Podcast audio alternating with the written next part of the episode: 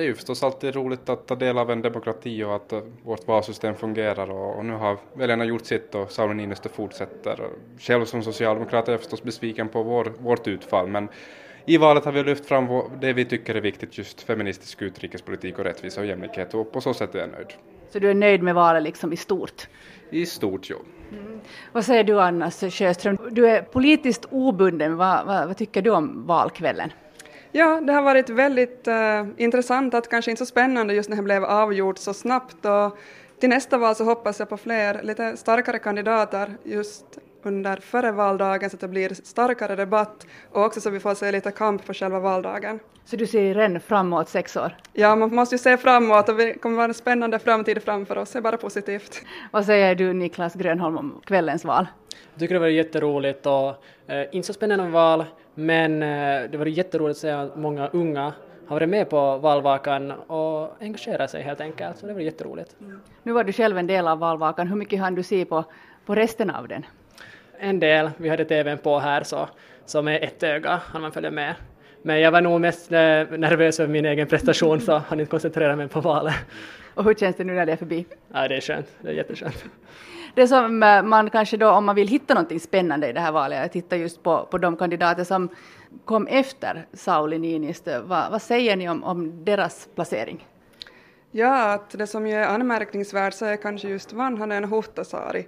Att Vanhanen, hur han kan ha så lågt resultat fast han sitter för statsministerpartiet.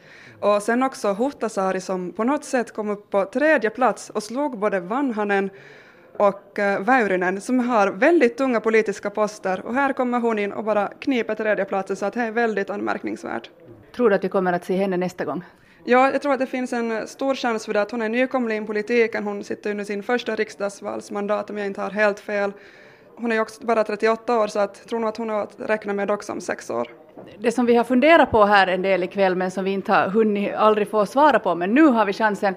Väyrynen han kom lite och rodda om han både för Vanhanen och för Huhtasaari eller tog han Huhtasaaris röster? Ja, det kan man säga. De hade många där, äh, åsikter som påminner om varandra, till exempel om invandring och EU.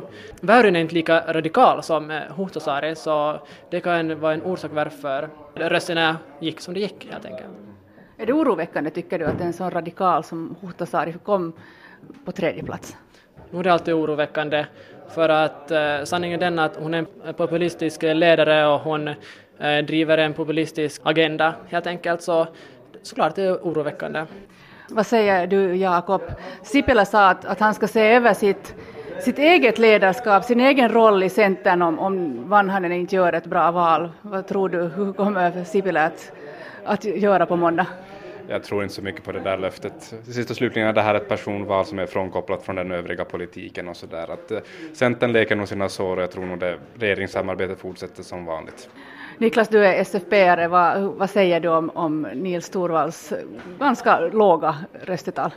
Det är synd att det inte gick bättre, men jag tror ändå att eh, det är alltid bra att vara med och få driva sina egna frågor och partiets frågor. Så all synlighet är bra synlighet helt enkelt.